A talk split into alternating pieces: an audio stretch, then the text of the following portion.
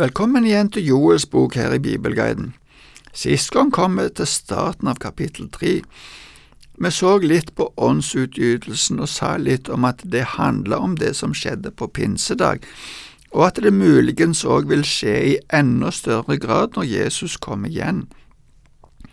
Men det var mer i den teksten som vi skulle ha sett på, som vi leser om igjen fra begynnelsen av kapittel tre, de første fem versene. En gang skal det skje at jeg øser ut min ånd over alle mennesker. Deres sønner og døtre skal profetere, de gamle skal drømme drømmer, og de unge skal se syn. Selv over slaver og slavekvinner vil jeg i de dager øse ut min ånd. Jeg setter varsler på himmel og jord, blod og ild og røyksøyler. Solen forvandles til mørke, og månen til blod, før Herrens dag kommer, den store og skremmende. Da skal hver den som påkaller Herrens navn, bli berget. For på Sionfjellet og i Jerusalem skal det finnes redning, som Herren har sagt.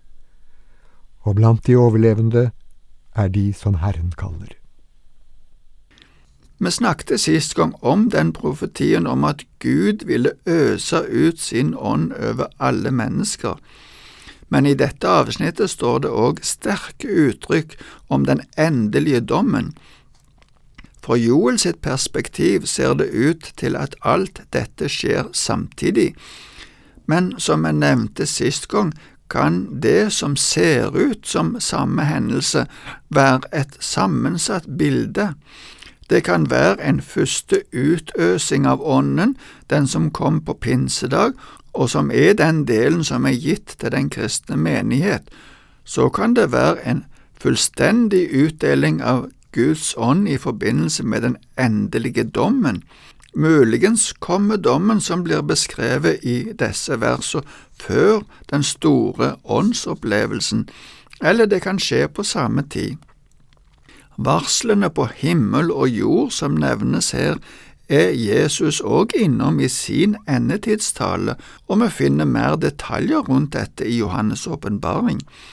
Men i denne dommen står det at da skal hver den som påkaller Herrens navn, bli berga eller frelst. Det er den endelige frelsen. Det henvises til noe Herren har sagt, det kan være en generell forståelse eller kanskje en henvisning til vers 17 hos Obadia, der han sier at på Sionfjellet skal det finnes redning.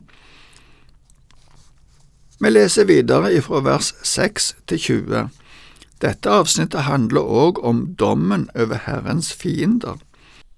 For se, i de dager og på den tid når jeg vender skjebnen for Juda og Jerusalem, da vil jeg samle alle folkeslag og føre dem ned i Josjafats dal. Der vil jeg holde rettergang med dem, om Israel, mitt folk og min eiendom, som de spredte blant folkene. De delte mitt land og kastet lodd om mitt folk, de ga en gutt for en hore og solgte en jente for vin, og den drakk de opp. Så hva vil dere meg, Tyros og Sidon og alle filisterbygder? Vil dere ta igjen for noe jeg har gjort? Gjør dere meg noe ondt, skal jeg straks la det komme over deres eget hode. For dere tok mitt sølv og gull og førte bort mine dyreste skatter til deres egne templer. Dere solgte folket i Juda og Jerusalem til jonerne for å føre dem langt bort fra sitt land. Se, nå vekker jeg dem fra stedet dere har solgt dem til, og lar det dere har gjort, komme over deres eget hode. Og jeg vil la judeerne selge sønnene og døtrene deres. De skal selge dem til sabeerne, et folk langt borte, for Herren har talt. Rop dette ut blant folkene, lys hellig krig, vekk krigerne, la alle stridsmenn møte fram og dra ut. Smi plogskjærene om til sverd og vingårdsknivene til spyd. Den svake skal si, Jeg er en helt. Skynd dere og kom. Kom sammen alle folkeslag fra alle kanter.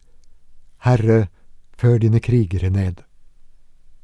Folkeslagene skal bryte opp og dra til Josjafats dal, for der vil jeg sitte til doms over folk fra alle kanter. Send sigden ut, for høsten er moden. Kom og tråkk, for vinpressen er full.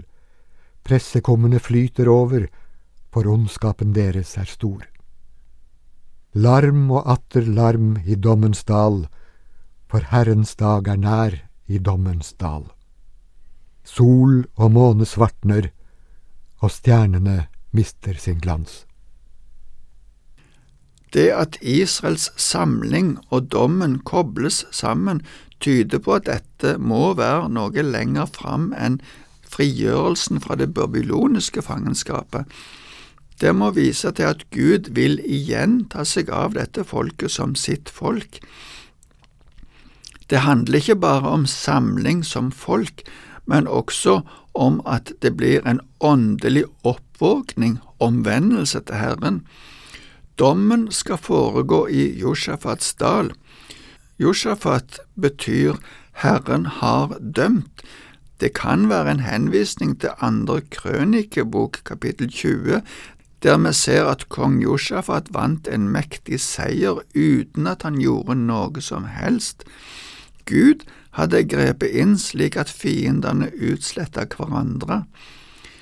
På slutten av det avsnittet som vi leste, kalles dette stedet for Dommens dal. Det er ikke sikkert det er en helt konkret dal, men det er en hentydning til at det er Gud som holder dom.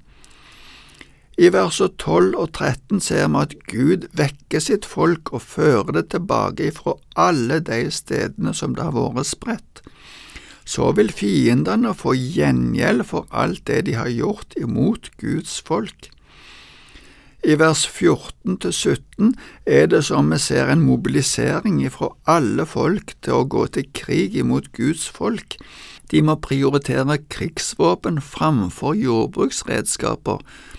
Det er interessant å ta med at i det Guds rike som opprettes etterpå, står det om den motsatte prioriteringen.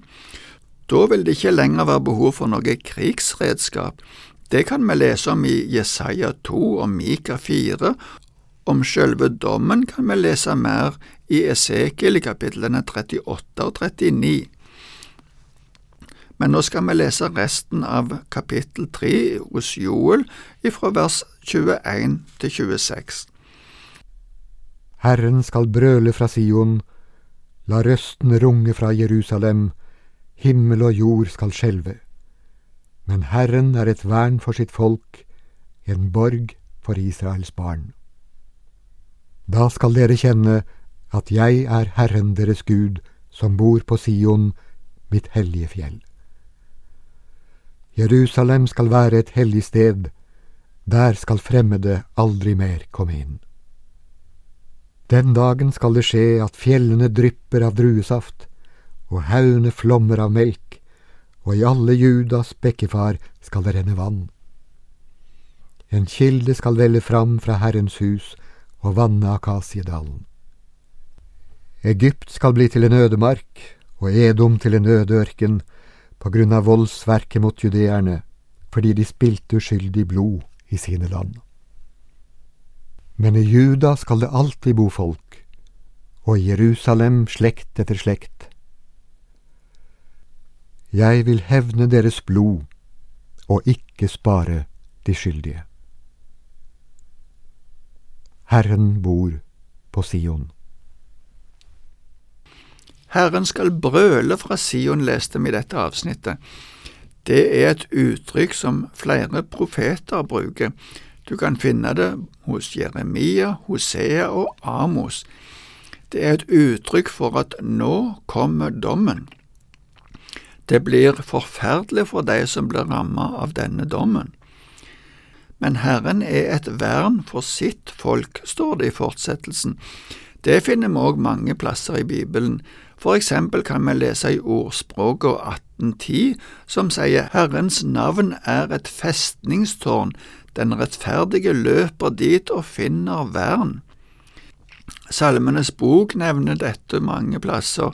Jeg vil nevne to av disse, først Salme 5 vers 12, der det står Men alle som søker tilflukt hos deg skal glede seg, alltid skal de juble, du verner dem, de fryder seg i deg, de som elsker ditt navn. Og så i Salme 34 vers 23, Men Herren berger sine tjeneres liv, Ingen som søker tilflukt hos ham, blir straffet. Så kan vi òg ta med Nahum 1,7. Herren er god, et vern på nødens dag, han tar seg av dem som søker tilflukt hos ham. Jerusalem skal være et hellig sted, leste vi òg, og at fremmede ikke skal komme inn der. Johannes' åpenbaring sier at intet urent skal komme inn der. Det er et bilde på at i det nye Jerusalem, der bor Herren og det folket som Han har rensa ifra all synd. Der er alt bare godt.